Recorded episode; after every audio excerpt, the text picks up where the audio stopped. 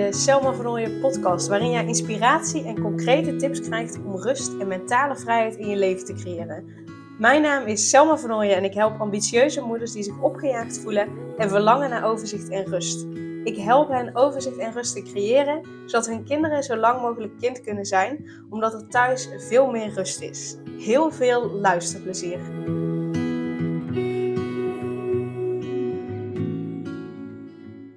In de maand juni uh, uh, neem ik elke dag een podcast voor je op. Of in ieder geval, ik publiceer elke dag een podcast over Anouk. En Anouk is een ambitieuze moeder met twee kinderen.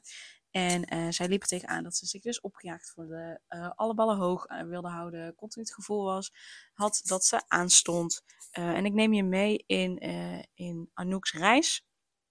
Uh, waar ze tegenaan liep, maar vooral ook wat haar heeft geholpen, zodat jij daar, als je bepaalde dingen van Anouk herkent, uh, daar ook eh, mee aan de slag kunt gaan, of in ieder geval je voordeel uit kunt halen.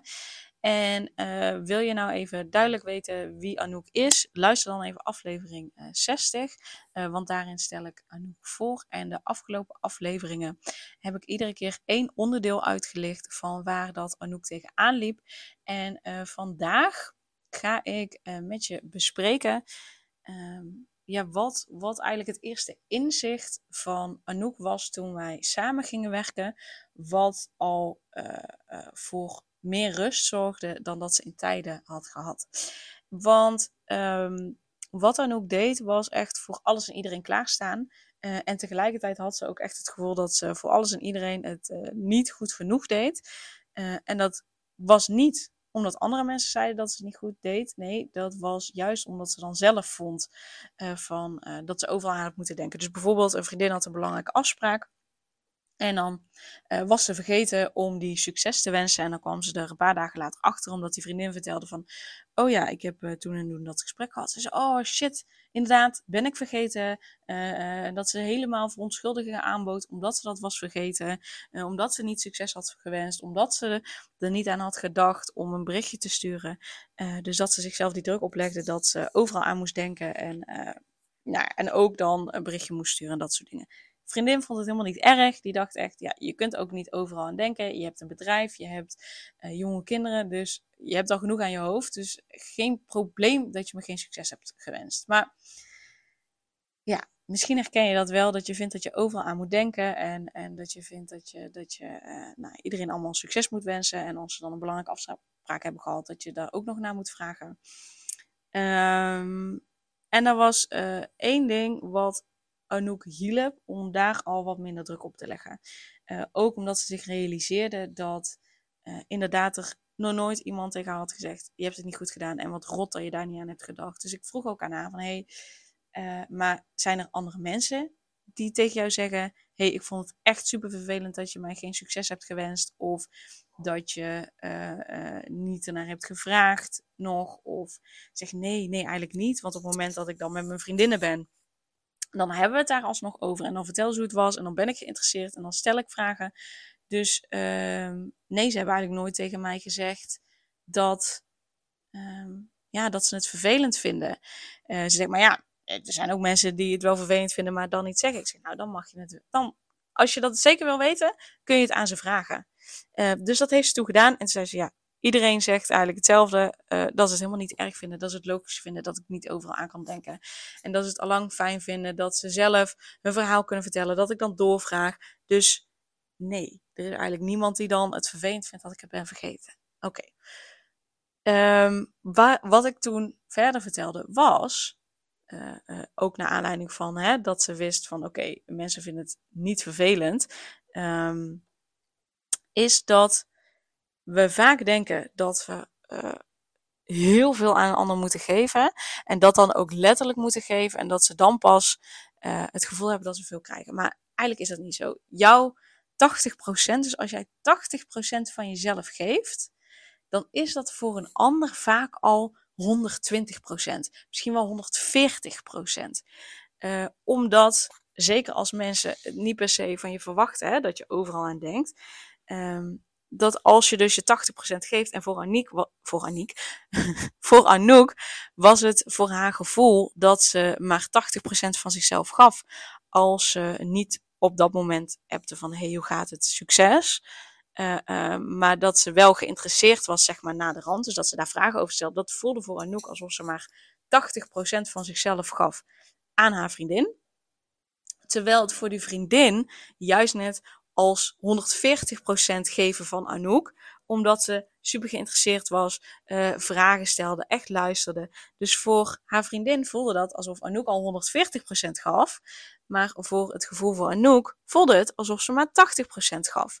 Dus wat haar heel erg hielp, is voor ogen houden. Oké, maar als ik 80% van mezelf geef, dan is dat voor een ander vaak al 120 of 140% zelfs.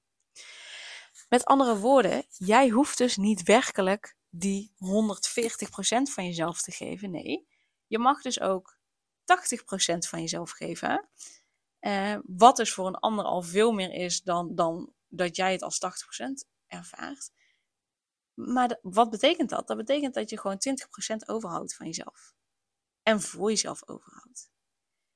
Hoe zou het zijn als je voortaan minimaal 20% voor jezelf overhoudt? En eigenlijk mag dat nog veel meer zijn. Want hoe meer jij voor jezelf overhoudt, uh, hoe meer je ook kunt geven. Want als jij meer energie voor jezelf overhoudt, dan laat je veel sneller op, waardoor je ook veel sneller weer aan een ander kunt geven. In het uh, shamanisme zeggen ze het heel goed, uh, of heel goed, zeggen ze het heel mooi. Um, je moet eigenlijk drie keer aan jezelf geven. Dus drie keer voor jezelf zorgen, drie keer aan jezelf geven, uh, uh, net hoe je het wil noemen. Eén keer zorg je voor jezelf, zodat je opgeladen bent. Een tweede keer zorg je voor jezelf. Uh, geef jezelf extra energie, zodat je extra hebt in moeilijke tijden. En een derde keer zorg je goed voor jezelf, zodat je dat door kunt geven, zodat je dat aan een ander kunt geven. dus nou ja, het shamanisme is gewoon heel wijs. Dus jij mag eigenlijk gewoon drie keer meer voor jezelf zorgen dan je voor een ander zorgt, zodat je het door kunt geven. Maar ook zodat je in moeilijke tijden ook voor een ander er kunt zijn, ook voor een ander kunt zorgen. En met name uiteraard voor je kinderen. Uh, maar als je dus jij 80% van jezelf geeft, en dat is al 140% voor een ander, um, Stel nou dat je dus wil dat een ander 100% van je krijgt, nou, dan hoef je dus eigenlijk maar 60% of zo van jezelf te geven. Dan hou je gewoon al 40% voor jezelf over. Kun je nagaan hoe veel makkelijker en hoeveel beter je voor jezelf uh, zorgt. Uh, dus dat was het allereerste inzicht waarvan Anouk echt iets had. Wow, oké, dat helpt. En inderdaad, dat ze had gecheckt in de omgeving. En niemand had gezegd, nee, ik vind eigenlijk dat je te weinig aan mij geeft. Niemand. En dan nog, hè, stel je voor dat iemand dat zou zeggen, dan is dat ook nog eens de waarheid van een ander. En, en uh, het ding van een ander. En iets wat je bij een ander mag laten. Want dat een ander vindt dat jij niet genoeg geeft van jezelf. Een ander mag eigenlijk niet verwachten dat jij überhaupt iets aan hen geeft.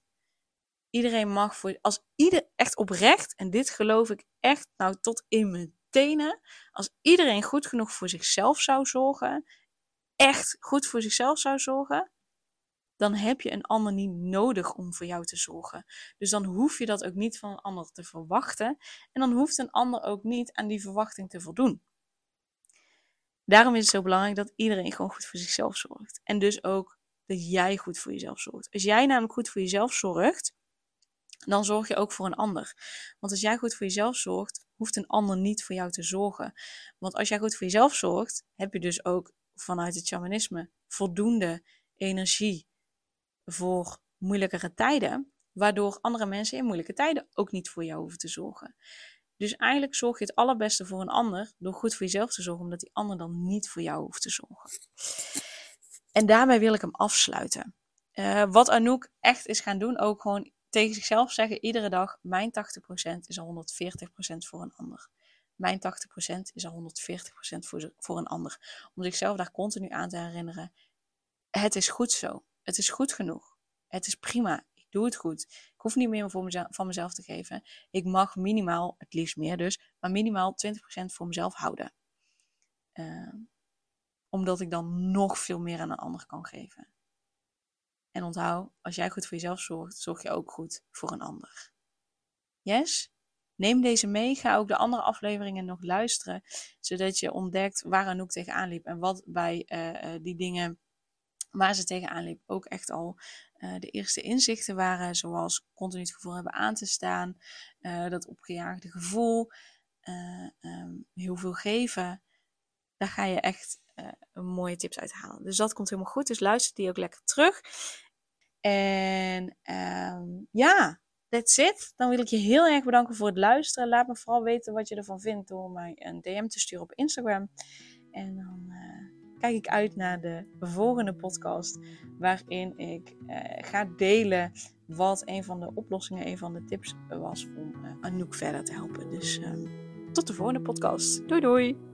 Super leuk dat je weer luisterde naar een aflevering van de Selma Vernooien podcast. Dank je wel daarvoor. En ik deel in deze outro nog een aantal belangrijke punten. Als eerste is het mijn missie om ervoor te zorgen dat alle kinderen van Nederland zo lang mogelijk kind kunnen zijn. En dat begint bij hoe jij je voelt als ambitieuze moeder. Daarom maak ik deze podcast voor jou en voor je kind of voor je kinderen. Gun je je kinderen dus ook een vrije en gelukkige jeugd, zodat ze zo lang mogelijk speels, vrij, onbevangen en onbezonnen kind kunnen zijn Vraag dan nu mijn gratis e-book aan 8 tips voor ambitieuze moeders om meer rust in je leven te creëren via mijn website www.selmavernooien.nl slash gratis-e-book. Ten tweede, wil je alle podcastafleveringen overzichtelijk onder elkaar en wil je als eerste op de hoogte gebracht worden als er een nieuwe podcastaflevering online staat? Abonneer je dan op de podcast door op de knop volgen, subscribe of abonneer te klikken. Ten derde, ondersteun je mijn missie en wil je ook helpen om alle kinderen van Nederland zo lang mogelijk kind te laten zijn? Laat dan een review achter in de podcast-app via waar je deze afleveringen luistert. Hoe meer reviews, hoe beter de podcast vindbaar is en dus hoe meer ambitieuze moeders en hun kinderen ik kan helpen.